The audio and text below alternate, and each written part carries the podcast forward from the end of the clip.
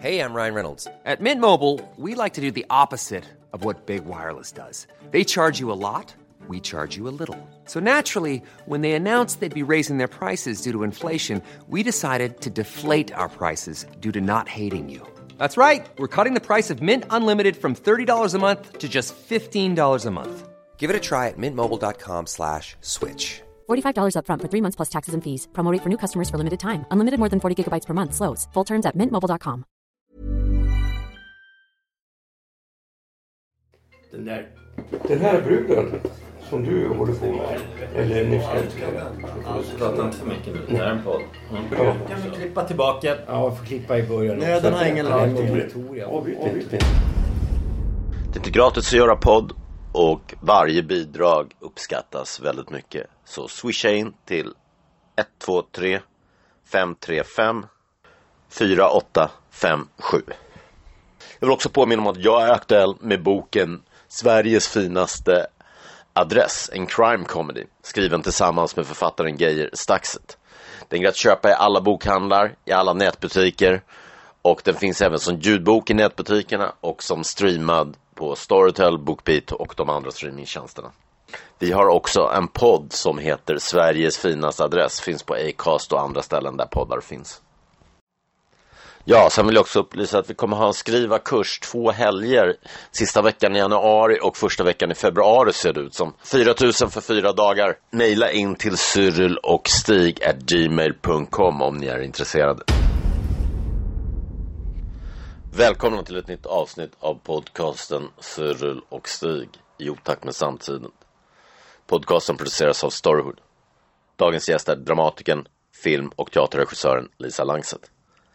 Lisa debuterade 2004 på Dramaten med pjäsen Det älskade med Noomi Rapace i huvudrollen.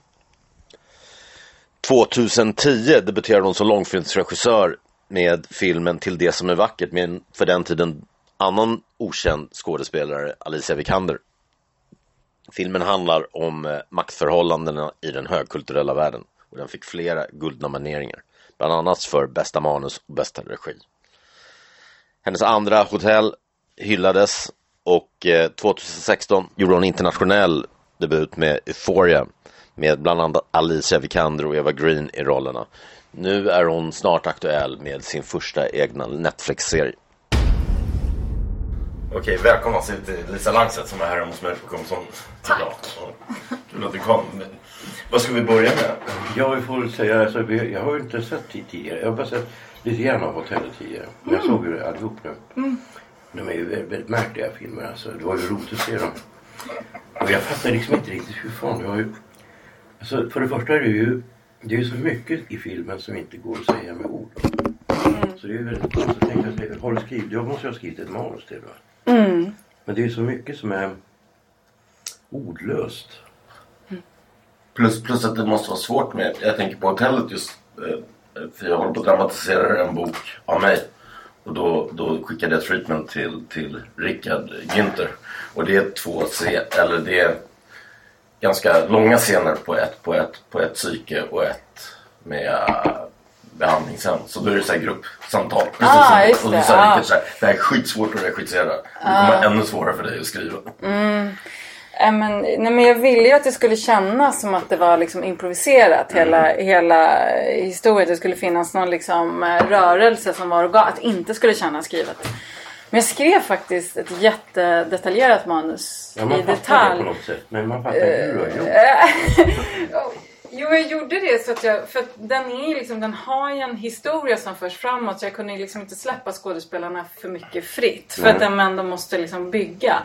Men så jag skrev ett manus men sen så hittade jag, så var jag jättenoga med vilka jag jobbar med. Så att de här skådespelarna där, eh, vi hade en sån otroligt fin kontakt genom hela den processen. Och då kunde vi liksom, så det blev någon slags organisk process där vi till slut glömde vad som var skrivet och vad som sades. Och liksom de förstod berättelsen så mycket. Så, att, så då kunde man också börja lämna texten lite utifrån ramen att det ändå skulle liksom, bygget skulle funka.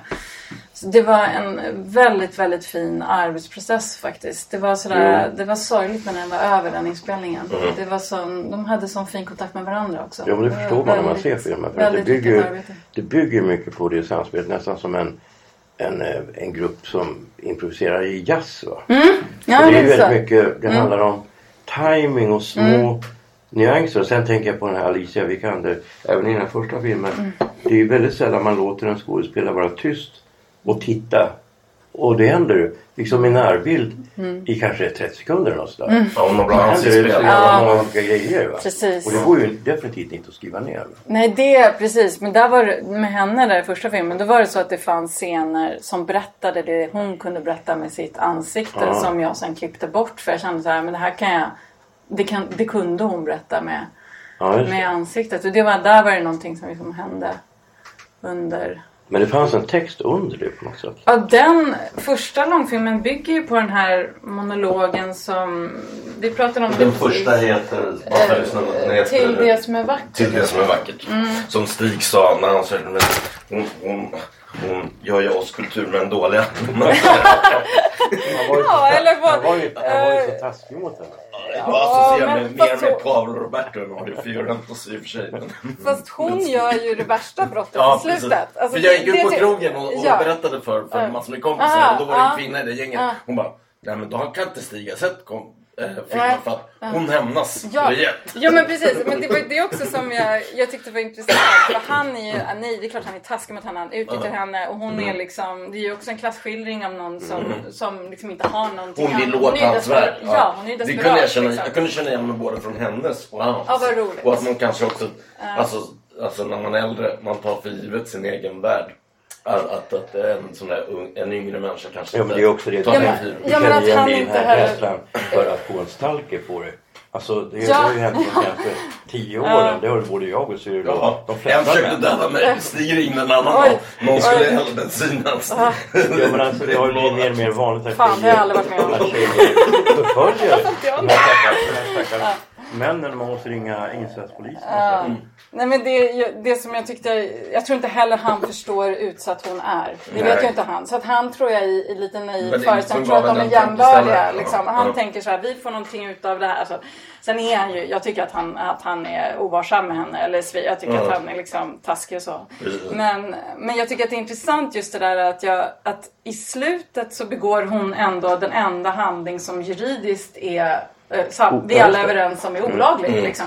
För att han, han våldför sig aldrig på Ja, henne. Liksom. Hon vill ju det här. Sen, sen behandlar han illa. Jag försvarar inte hans beteende så. Men, men däremot så tyckte jag att det var intressant att göra en som vacker utsatt kvinna som i slutet begår en sån handling. För det, för det är som att alla bara ja! Så här.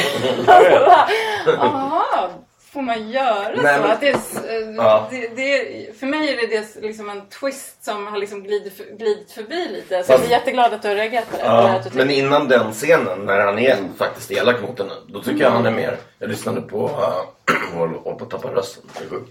Men, eh, den här P3-intervjun, söndagsintervjun med Roy Andersson. Ja, den har inte jag. Och han, han sa ju där. Den här var ju faktiskt före Lena Andersson. Men Absolut. debatten om kulturmän kom efter Lena Andersson. Och Roy sa i intervjun att liksom... eh, eh, nej men jag visste inte att hon skulle bli sårad. Jag, Nej. jag tror det inte så allvarligt. Det var ju tråkigt om hon blev det. Ungefär. Och så är han lite innan. Jag tror det också. Precis, att han, att han inte... Fattar. Nej, men sen tycker jag ju att det... Jag vet inte, jag tycker alltid... Om man hittar på en karaktär så tycker jag att det är intressantare för mig att försvara den karaktären. Ja. Även om den i omvärldens ögon Ja, framstår man måste som... ju gilla personen i, i den Ja, att man, gillar, att man är intresserad att man av den. personen bra repliker. Va? Ja. Det går ju liksom inte att tycka illa om någon. Jag faktiskt, det är väldigt sällan man ser en pjäs där man, där man inser att den som har skrivit pjäsen tycker illa om någon. Jag såg en sån pjäs i Göteborg. Det var för att jag skulle, jag skulle göra en film i Göteborg. De ville absolut att jag skulle vara skådespelare från Göteborg. Det här var 1990, 91. Och då så tittade jag du vet, på alla Göteborgs teatrar. Så gick det någon pjäs som handlade om eh, något par och så här. Och det var någon, någon dramatiker som bara var uppsatt i Göteborg, någon sån här vänstersnubbe. Och han tyckte verkligen illa om det här överklassmannen. Va? Som gjorde, vad fan gjorde han? gjorde, han producerade insomnings eh, eh, band. Va? Alltså han ett idiotiskt jobb. Eh, och han, eh, så var det då en arbetare, en riktig arbetare som han kände. som skulle på något sätt förföra hans fru. Och man kände att han som har skrivit den här pjäsen, han tycker väldigt illa om den här personen. Och det är hemskt då för stackars skådisen som ska säga replikerna. Det är verkligen inte humanistiskt. Nej, men det finns ju ett bra exempel på det och det är ju faktiskt din pjäs VD, alltså Ershög Järegårds roll där som är ju en fullkomligt vidrig människa på alla sätt och vis. Alltså, så, men som man älskar att titta på. Så att man älskar ju honom samtidigt som man förfasas över honom och då har man ju skapat en karaktär som man liksom på något sätt kan jag vet inte, sympati är ett så jävla luddigt ord liksom. Jag brukar prata om intresse. Ja. Liksom, Ja, men det är det det Väldigt så handlar om. bra rollsatt också. Ja, ja. Sen har jag ju själv aldrig fattat. eh, Jag har alltid blivit förvånad när människor har sagt att de säger nyår är en sån hemsk roman. Och så det tyckte jag ju aldrig själv när jag skrev den.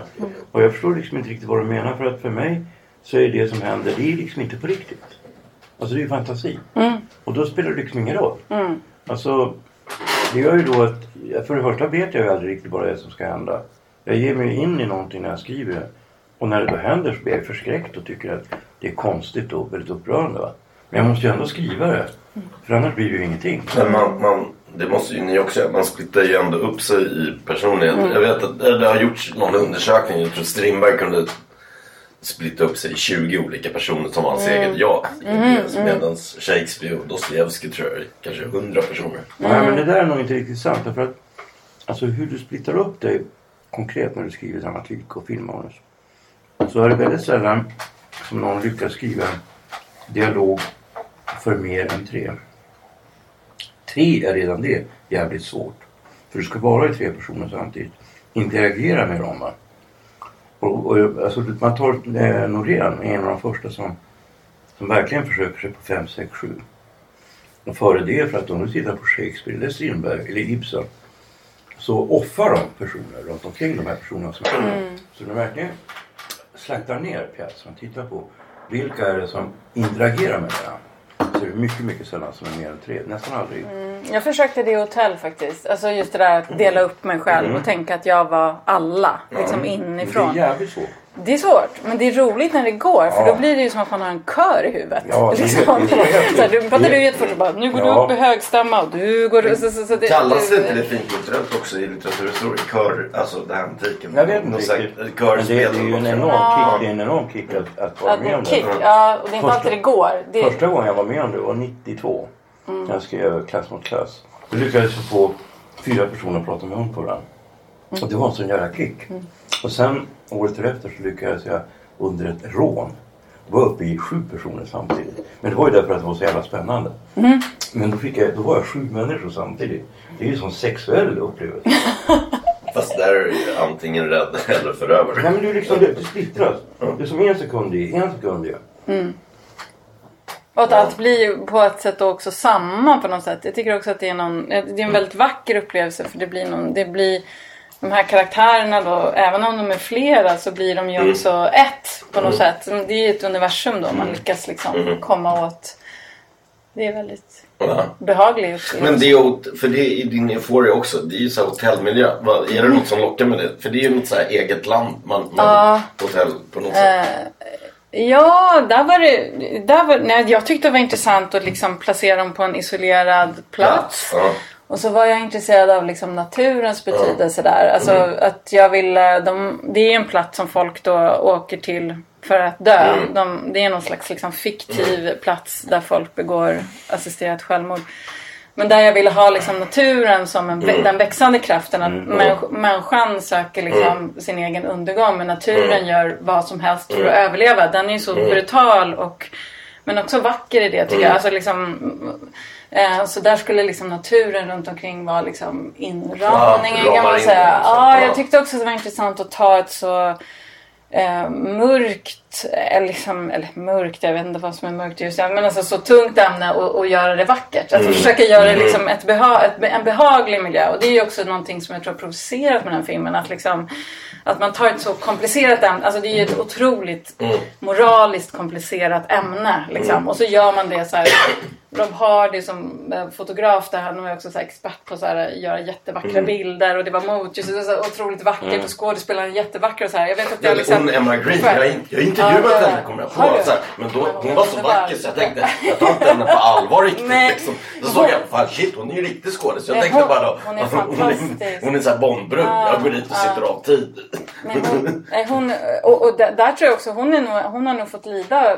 På grund, Mm. Det har nog inte varit lätt att vara vacker för henne. För hon är en helt annan inuti. Alltså hon är Mm. en riktigt... ehm, jag ska inte ställa ut henne men hon har såna djup inom sig. Hon är en av de tyngsta. mm, Med, Ja, hon och sen bra. den här perfekta kvinnan. Liksom hon, det, jag tror att det, det har inte Och där måste jag fråga, eh, hon, den, den äldre kvinnan. Inte Charlotte Rampling. Ja. Rampling. Nämnde hon, för Olle Ljungström var en av mina bästa kompisar. Ah. De hade en kärlekshistoria när han var fotomodell i London på 80-talet. Nämnde hon Skämtar du? Olle? Ja, Ja, nu har jag kvällspressen. Hade, ja, men Olle var som min, Stig är som Ah. min dåliga far Ah. och Olle var som min dåliga bror. Så vi satt Ja. jämt och pratade tjejer. Så, så jag kan mycket om hans Oh kärleksliv. Ja men alltså gud, lyckas honom. Alltså vilken grej. Alltså, jaha. Details. I want Ja, details. nej, nej, vi kan ta det sen. Jag kan ta ska sen. Ja men nej men Det var väldigt alltså kort, hon är ju också, eh, eh, hon, hon, henne eh, alltså, hon är en av de absolut mest fantastiska människor jag träffat faktiskt. För hon är så um, hon är så eh, vidöppen människa fortfarande. Alltså, och sen så gammal men också jag menar, hon- har ju också varit en av världens vackraste kvinnor. Så hon är någon slags liksom, hon har levt så många liv. Hon har liksom gjort allt. Hon har liksom Så hon har inte något hävdelsebehov eh, kvar alls. Utan hon är liksom otrolig. Hon gör ju bara saker också som hon är intresserad av. Hon är liksom helt ointresserad av en karriär. Hon blir jätteprovocerad så fort någon kommer och pratar om liksom, karriär. Utan hon vill ju liksom, man ska till kärnan hela tiden. Det är det enda som är intressant. Nej men alltså hon, eh, nej jag vet inte vad jag ska jag kan prata om henne hur, hur länge som helst. Men hon, hon, eh, hon är också inspirerande för att hon är så fri. Hon är så tro, hon, döm, liksom, hon är så öppen. Ja men det är klart att människor som har, som har en, en sån eh, karriär, såna stora skådespelare. Varför ska de göra grejer för sig? De- Det är klart att de är, och de måste ju vara fantastiska att arbeta med. Ja, Utan de, de, eh, de är på något sätt beredda att göra allt. Men de gör inte det för vad som helst. Mm. Och just att de väljer då att göra det här. Det innebär ju att du redan från början har ett, alltså ett väldigt bra instrument att spela på. Ja, Jag tror att vi, vi, vi fick bra kontakt. Mm. Hon byggde det ju så på. Jag fick ju åka och träffa henne några gånger där i London. Och så Mm. här, hon liksom, men hon var ju en väldigt naturlig människa. Alltså, det var inte några konstigheter på något sätt. Utan Nej, jag vet, jag träffade ju många på Dramaten och sen efter det också. Men jag minns jag var i New York i Connecticut och då träffade jag Max von Sydow. Han, han var ju på Dramaten samtidigt som jag. Och när, när vi då skulle skiljas på flygplatsen. Han skulle till Köpenhamn och jag skulle till Stockholm så kom en märk- märkvärdinna fram till mig och sa att det har blivit ett fel med din biljett. Var med en first class biljett. Jag skulle eh, till Stockholm.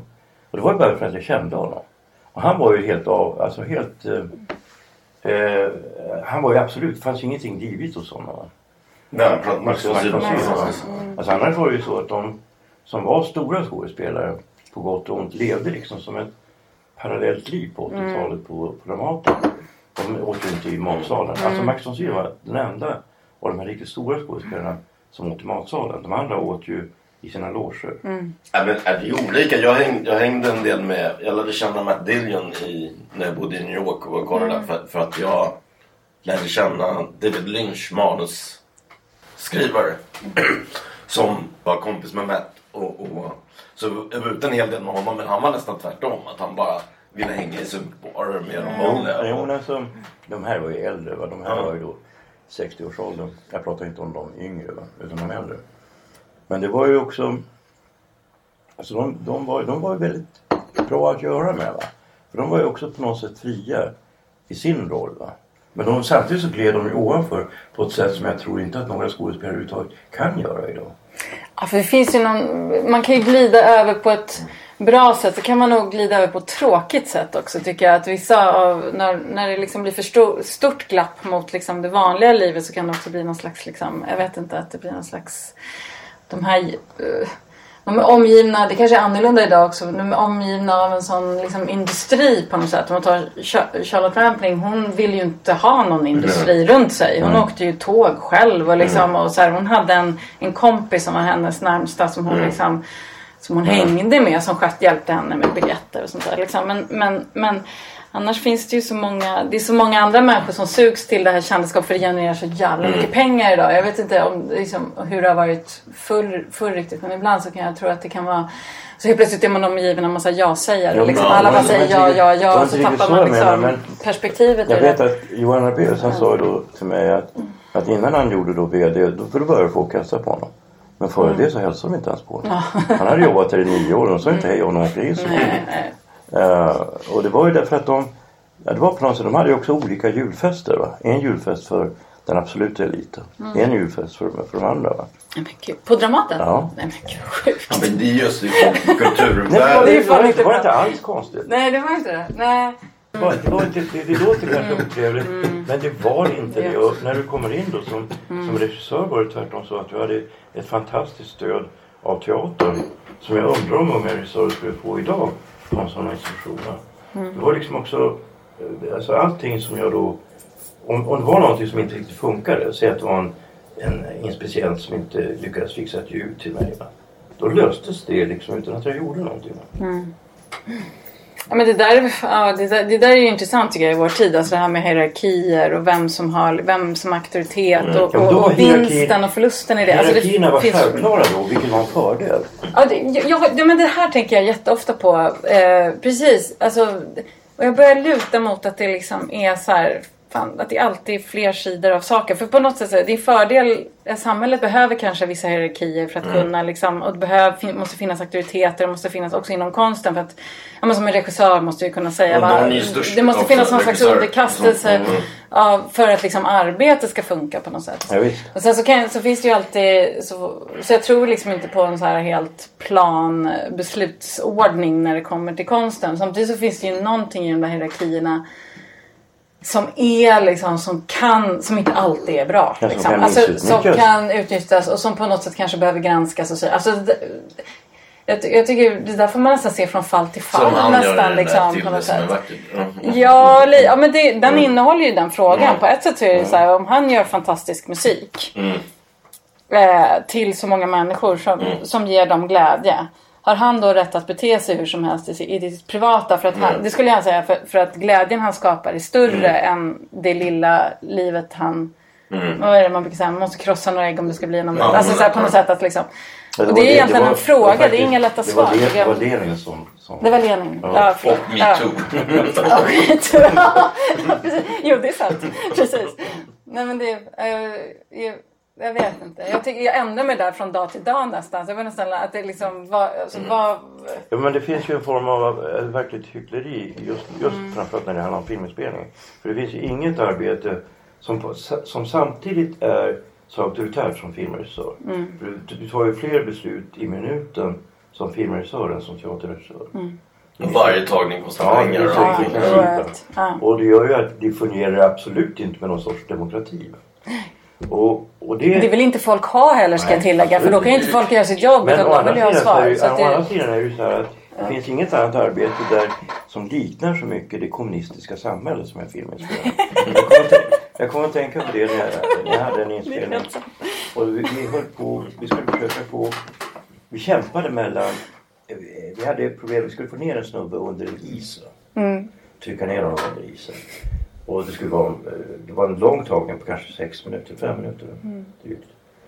Och jag var inte nöjd de tre första gångerna. Vi kunde bara göra en tagning per dag. Va? Och den sista dagen så började, så började snö komma. Jag var tvungen att hålla borta snön genom att liksom vifta med alltså det var en människa som skulle ner under. Ja, precis. Alltså, under, ja. under isen. Och det var ju katastrof om snön började verkligen falla. Mm. Så jag var tvungen att kämpa emot snön. Samtidigt som jag var tvungen att, att mörka ner isen för att vi, men det syntes de här plumsarna man hade gjort tidigare. Ja, just Så det. jag var tvungen att liksom dölja det genom att på kanterna göra det grått. Då. Och det tar ju tid för saltet. Vi saltar isen. Va? Det tar ju tid för saltet att tränga igenom.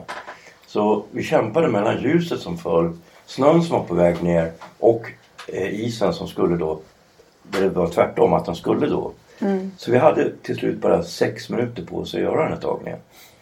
Och då satt den på en gång. Men alla som då arbetade visste att gör jag ett fel då är allting förlorat. Då måste vi göra om alltihop. Jag vet. Men det, där, det är också... Precis, det är både Irakis men det är också den ultimata beviset på att människan kan samarbeta. Ja, alltså det, det är också en väldigt vacker upplevelse. Ja. För, för att på ett sätt så blir det ju...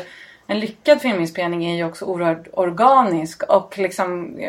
Tycker jag glädjefull i just det att vi tillsammans. Ja. Det är det du menar med Ja, kommunistiskt. för att det liksom alla behövs och ingen kan vara ut. Alltså det, det, finns, det finns massa klyschor kring det här men jag tycker de är sanna faktiskt. Alltså det här med liksom att att man gör någonting, att man är så beroende Ja, av andra av varandra. människor. Liksom, Men på du ett så här, vackert sätt. jag har bara sett manliga regissörer i, Mm. i, i action. Men de har varit väldigt hårda oftast. Mm. Är du så också? Alltså jag vet inte Jag kan riktigt. tänka mig Stig har varit det också. Nej men man måste vara tydlig. Man kan inte vara Ja, man måste vara tydlig för att det är också taskigt att inte vara tydlig. För att det är människor runt en som liksom jobbar så hårt. Eh, och är man inte tydlig så sätter man dem i skiten för då måste de göra om och det funkar inte. Och så, här. så att tydlig tycker jag är liksom också ett sätt att visa respekt faktiskt från sina medarbetare. visst. så att alla kan göra sitt bästa så bra. Det är liksom min uppgift tänker jag att just vara tydlig så att de kan göra sitt jobb liksom, på något sätt. Men hur jag, är, hur jag är när jag är tydlig, det vet jag inte riktigt. Jag såg en kortfilm, jag gjorde en kortfilm en gång jag hade tänkt, med några ungdomar. Så tänkte jag, gud, men jag är ju så snäll och tänkte att jag var snäll. Och så. så var det, när jag skulle klippa den här kortfilmen så såg jag, hade de filmat mig lite in action. Alltså bara för Karlman hade rullat liksom. Och då står jag liksom i den där sängen och bara Du måste skriker på den 15-åriga killen. Du kan inte bara göra så, du måste ju resa dig. Som Och jag bara what? Jag hade ingen, ah, jag har inget minne av att jag gjort det liksom. Så, att är så ja, jag vet inte riktigt. Det, men, men jag tycker väl, oftast väldigt mycket om människor jag jobbar med. Alltså jag tycker om att skapa, jag är, jag är helt ointresserad av att förtrycka någon. Utan, utan jag, tycker, jag älskar ju det här samarbetet. Den här glädjen att Ja, man kan att vara säga så här tillsammans att och skapa alltså, på teater Fast du är ju lite sadist. Nej men på Är du det? Nej, Är du sadist? Nej absolut. Men du måste ju... Men alltså när det är film så är det ju inte, så behöver det inte vara så auktoritär som du egentligen måste vara på teater. Därför att på teater kan det ju hända att skådespelare inte vill gå in i rollen. Eller att det finns ett motstånd om att gå in i rollen. Så på film så kan du då helt enkelt hota dem att sparka dem. Och då brukar de göra som du säger. Ja, det är lite mer effektivt Ja. på något sätt. Det, det finns inte Och tid Du, för... kan, du har inte, i, I film så du avskedar du folk efter en dag och sådär va. Det kan du göra. Det är ju väldigt, på så är det en fördel för dig. Då blir alla andra väldigt rädda och vet att, att du kan göra det. Va? Förstår du? Och, och du har ju då rätten att Hey, I'm Ryan Reynolds. Recently, I asked Mint Mobile's legal team if big wireless companies are allowed to raise prices due to inflation. They said yes. And then when I asked if raising prices technically violates those onerous two year contracts, they said, What the f are you talking about, you insane Hollywood ass? F- So to recap, we're cutting the price of Mint Unlimited from $30 a month to just $15 a month. Give it a try at mintmobile.com slash switch. $45 upfront for three months plus taxes and fees. Promo for new customers for limited time. Unlimited more than 40 gigabytes per month. Slows. Full terms at mintmobile.com. Jewelry isn't a gift you give just once. It's a way to remind your loved one of a beautiful moment every time they see it. Blue Nile can help you find the gift that says how you feel and says it beautifully with expert guidance and a wide assortment of jewelry of the highest quality at the best price. Go to BlueNile.com and experience the convenience of shopping Blue Nile, the original online jeweler since 1999. That's BlueNile.com to find the perfect jewelry gift for any occasion. BlueNile.com. att säga till skådespelare det här funkar inte om inte du är bättre nästa så sparkar dig. Det är väldigt effektivt. Men på teater när du då börjar, vi säger att du har haft eh, kollationering och det går någon dag, någon, någon vecka så märker du så precis att det här kommer inte att funka. Då måste du vara mycket, mycket hårdare. Alltså då måste du kunna använda dig av, av när, närmaste form av övervåld. Va? För att få dem att ändra sig. Alltså, Fan, det, det är väldigt svårt att... att Ja, jag förstår vad du menar. Alltså, jag försöker ju alltid vara jättenoga innan. Alltså att, att man... Att, att man är... Alltså att jag castar liksom i all oändlighet till exempel skådespelare. Jag träffar dem, Ja, du umgås kastar med... själv. Ja. Ja, jag är med och castar. Alltså, eh, eh, så fort det börjar bli intressant liksom, så är jag med. Och då castar jag flera omgångar och liksom mycket så, så, att jag, så att jag känner att nästan att jag, helst så vill jag också liksom faktiskt tycka om den här människan Ja. som Jo, människa men som- också. som- liksom. Och, och att, att, så att man har skapat det där bandet innan man Jo, men bestämmer på, sig. på liksom. film är det så att där kastar du ju kanske inte småroller. Om du har en stor film så gör du småroller på en dag. Va? Det kan du inte kasta. Men, eh, och där är det ju också så att, att blir det problem så måste du verkligen jobba som fan. Om du har en skådis en dag som inte är bra, va? som Mm. inte passar. Va? Det går ju att fixa det va? men det är ju svårt som fan. Ja, det är svårt som fan. Alltså, eh, jag har aldrig varit med om... Ja, nej, jag fattar vad du menar. Men det, det är väl också det där...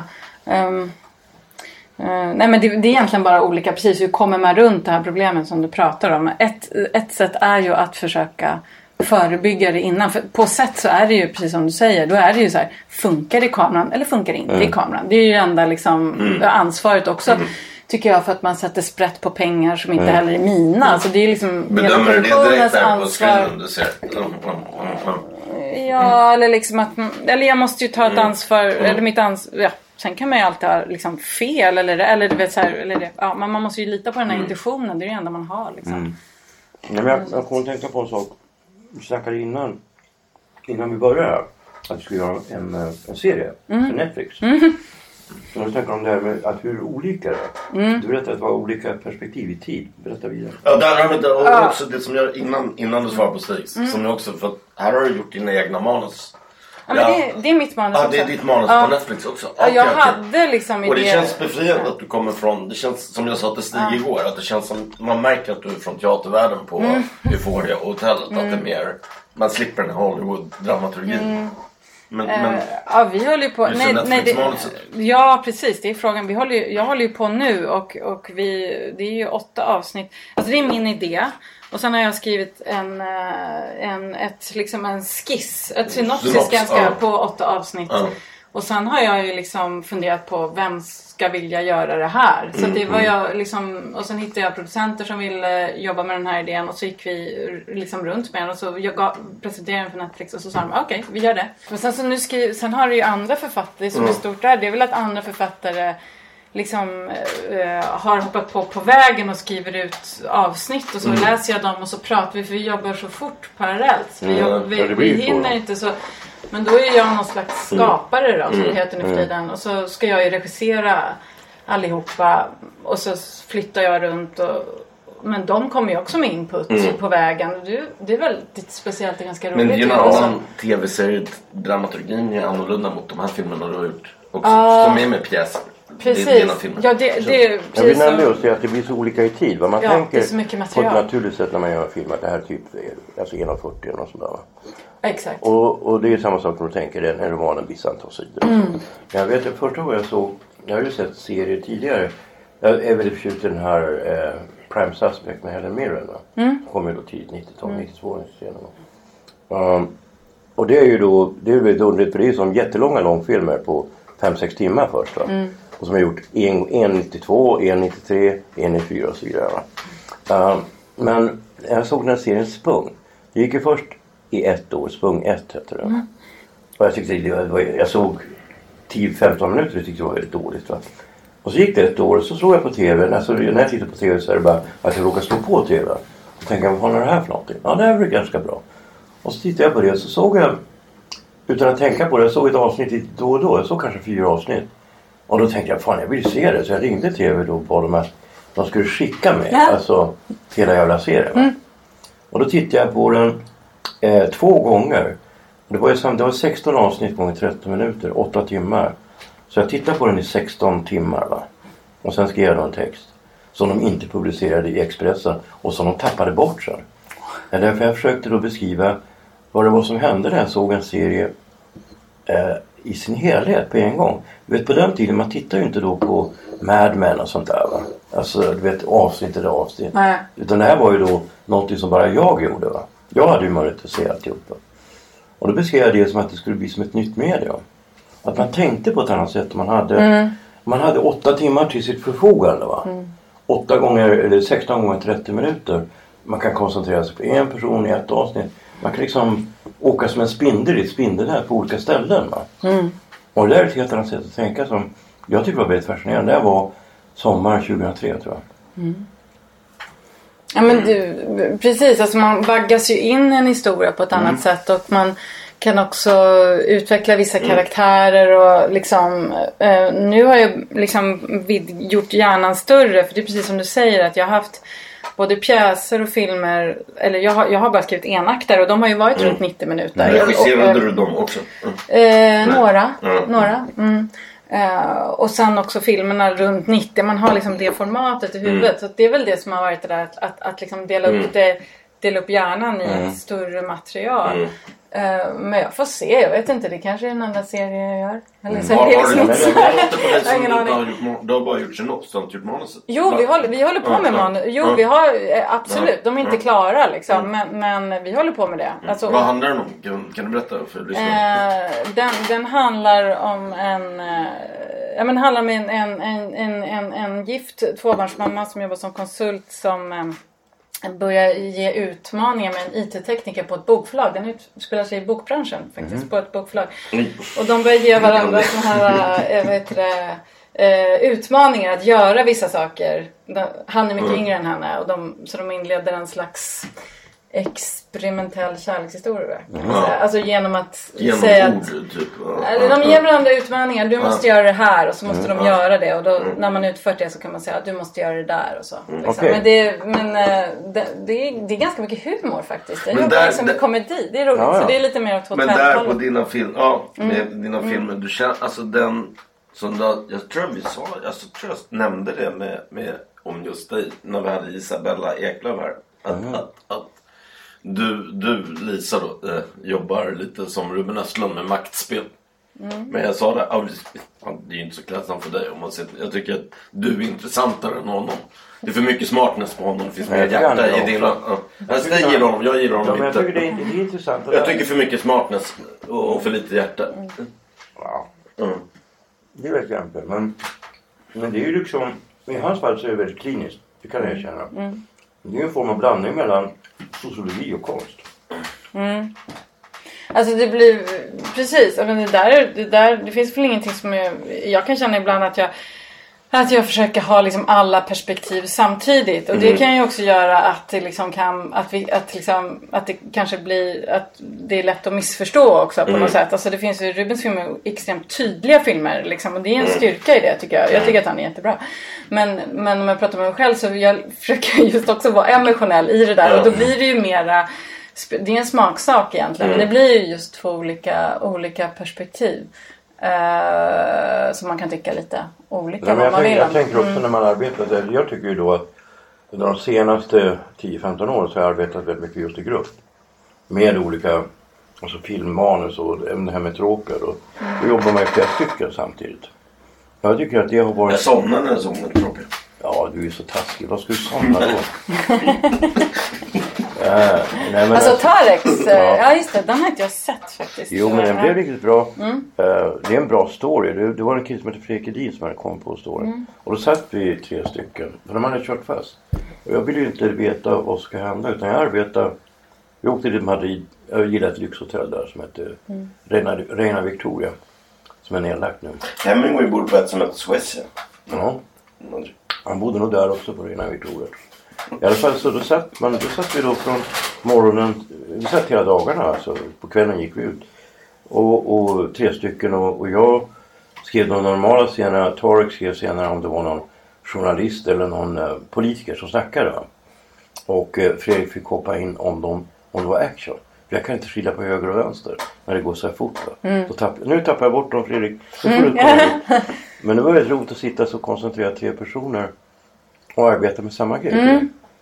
Tarek är gammal kungsankille så jag vill inte säga något elakt om honom. Alltså, det var just den filmen jag tyckte var svag. Men hans den här hotell, nya, är ju skitbra. Den där arabiska han har gjort. Ja Har ni just sett det. den?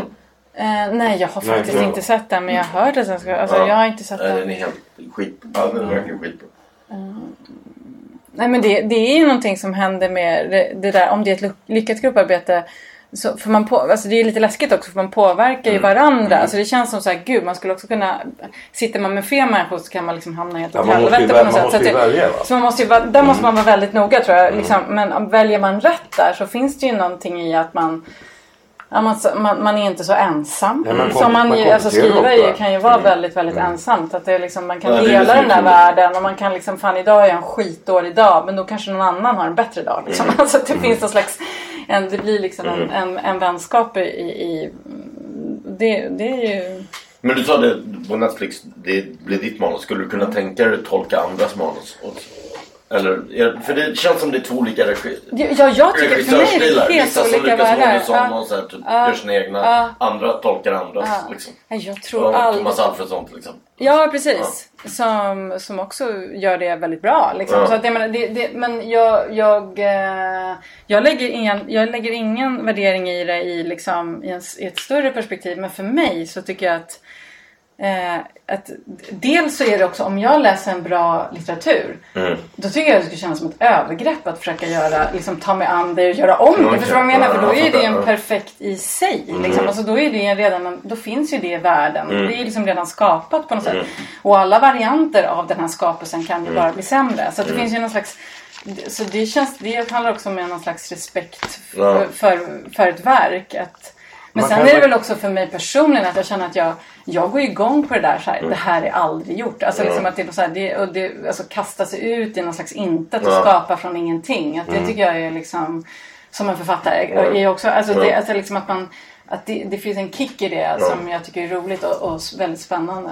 Men Jo. du Stig, har du dramatiserat andra, Ja, ja. andras böcker? Eller jag har inte, jo det har jag. Jag har ju då Kände du att du gick någon?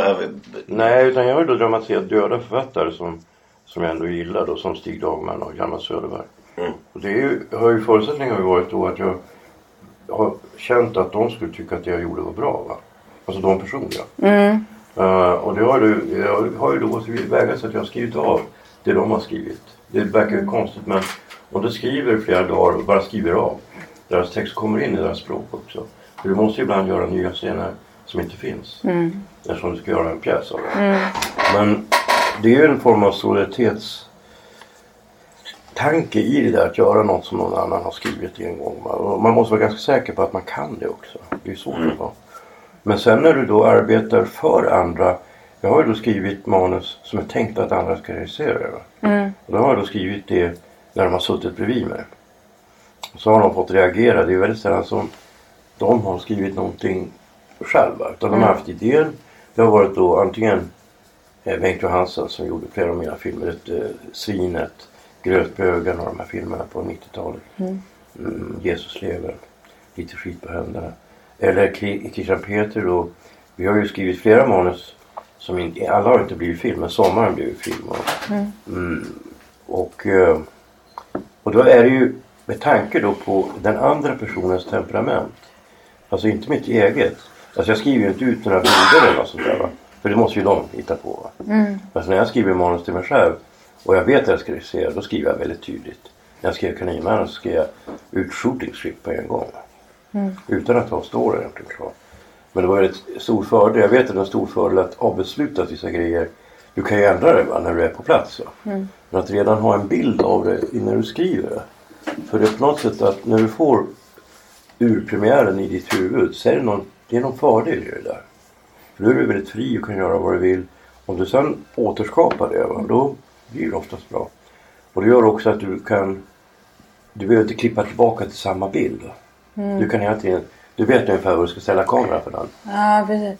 Och det, det blir ju också på något sätt i din fördel att, att inte göra så. Alltså att bara Att klippa in- tillbaka i väldigt extrema fall när du har två närbilder på varandra. Mm. Då kan du göra det. Men alltså, jag gör det bara vid två tillfällen i den filmen. Mm.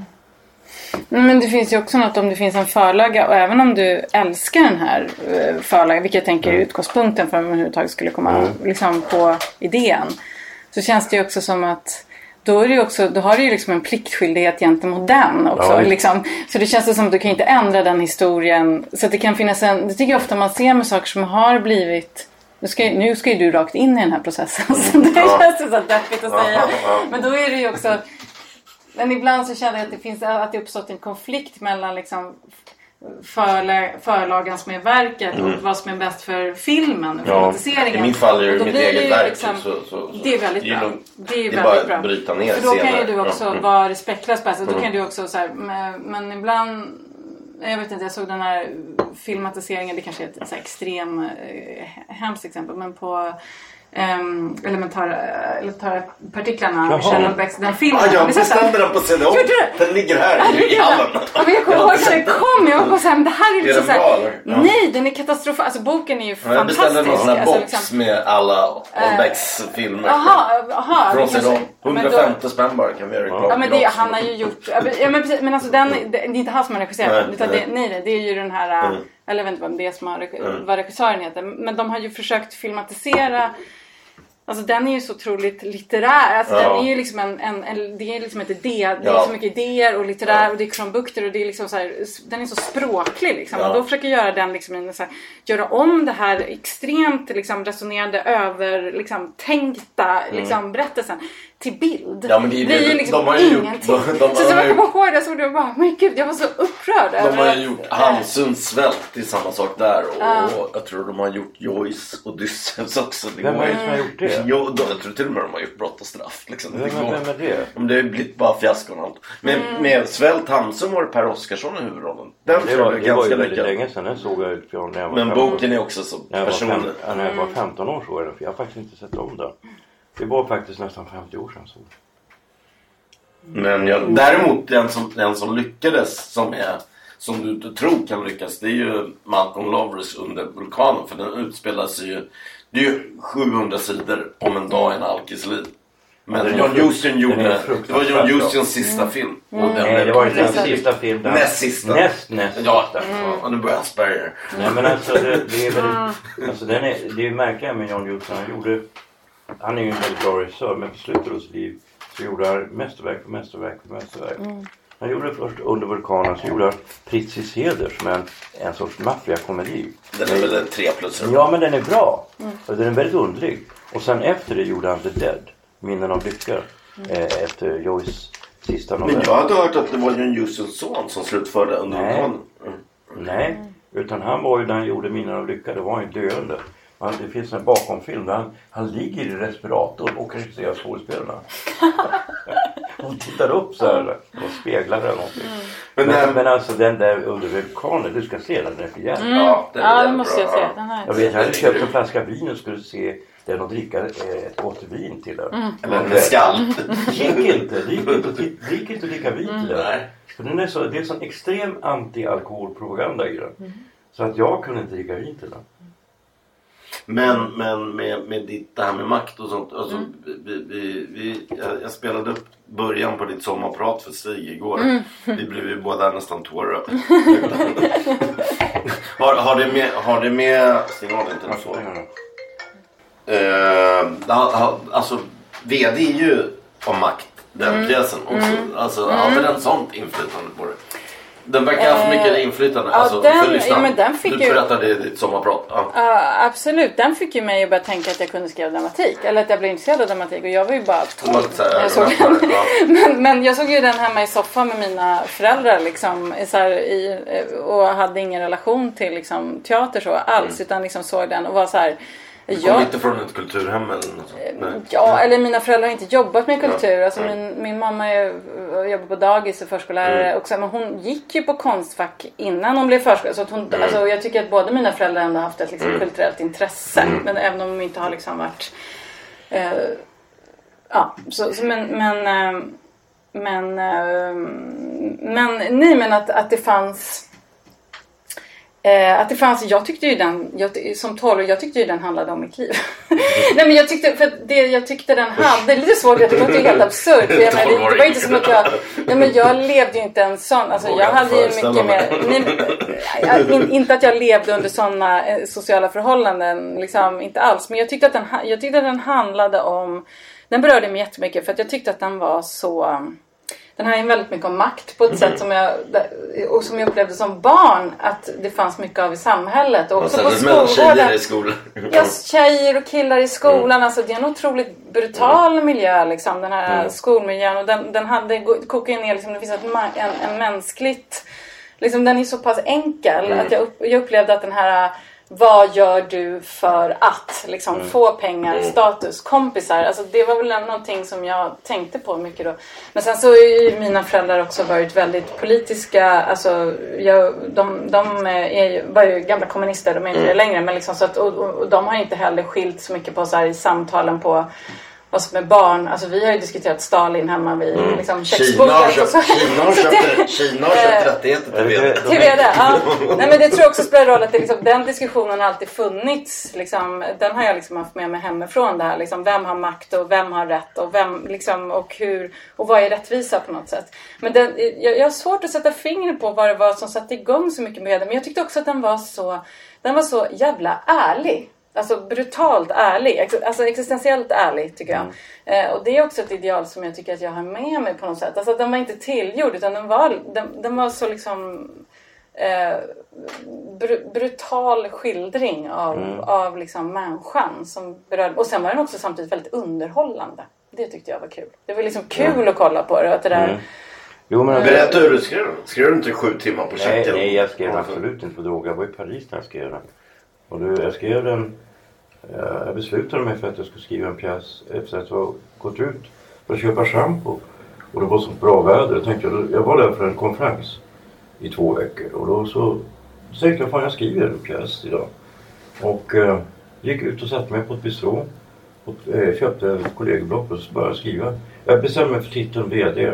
Men jag hade ingen aning om vad det skulle handla om. Och så, ja det är ett arbetarpar, det kommer hem en VD. Det tänkte jag, de ska komma hem en VD till dem. Så började jag beskriva dem så här. Kommer VDn dit och han uppträder ju väldigt konstigt. Jag blir ju helt fascinerad av vad det är som händer. Så jag skriver ju det väldigt snabbt. Och det märkliga, för att Ernst-Hugo fick originalmanuset för hand som jag skrivit här. Det är inga justeringar i det. Utan den första nedteckningen blev också, när du tittar på den på, på DVD, va, så är den verkligen helt trogen det, det jag skrev med kulspets. va. Eh, och det är liksom inga ah, mm, eller någonting som ligger emellan. Va? Och, och det, jag skrev då i tre timmar ända fram till att han vaknade upp. För det var så tråkigt när han var död. Jag visste inte heller vad jag skulle göra när han var död. Det blev så, fan nu har jag kört fast. Men jag visste att det skulle bli bra. va. Och sen dröjde det tills jag efter två månader ungefär kom på att jag kunde låta honom leva igen. Och det gick ju snabbt att skriva. Jag gjorde det på en dag bara. Men eh, så det gick ju väldigt snabbt att skriva. Jag minns jag korsade Boulevard Saint-Germain efter att ha skrivit. Jag skrev den på ett ganska billigt bistrå bort mot Eiffeltornet ungefär. Och så tänkte jag, var sol och tänkte fan det här blir bra. Det här blir riktigt bra. men det är verkligen skrivet snabbt alltså. Men det är inte alla dagar det flyter på så bra. Men alla de tidiga pjäserna jag skrev skrev jag fruktansvärt fort. Och bara replik för replik. Och eh, antingen satt det eller också satt det inte alls. Ja, för när du tittar tillbaka, du sa ju till mig den när du och Amanda Ons funderade på att göra att det, det håller inte längre. Vadå? Du, den där du sa du och Amanda gick igenom. Ja precis. Det, är, då sa du det var det här håller inte. Nej men den första pjäsen skrev jag 1980 eller 79-80. Den är, alltså, den är i och för sig med tanke på hur, hur ung jag var så den är ju ganska bra men det är inte tillräckligt bra. Tyvärr. Jag hade inte läst den. Jag tänkte jag skulle läsa den med henne. Så vi satte oss på någon sån här mexikansk hytta och på Sveavägen och läste den. Läste den högt då.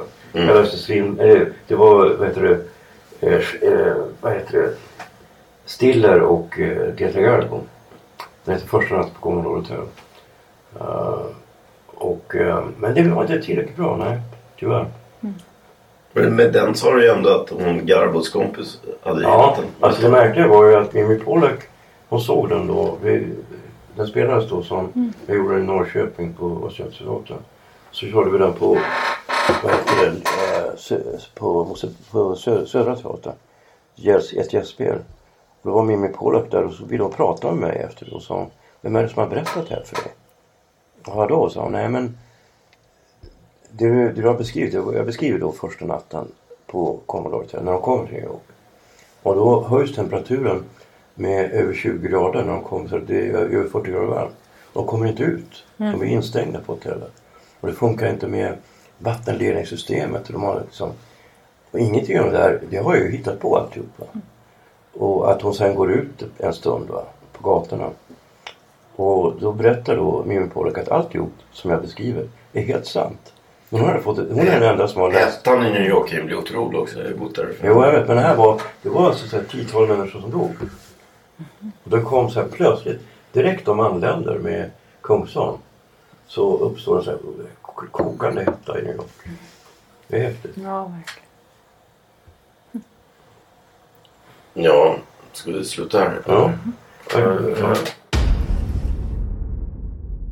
Jag vill också säga att man kan beställa ett signerat ex av Sveriges finaste adress av mig och Geijer W. Staxet för 200 kronor. Man kan också beställa ett eh, ex av Stig Larssons Folk på ön för 200 kronor.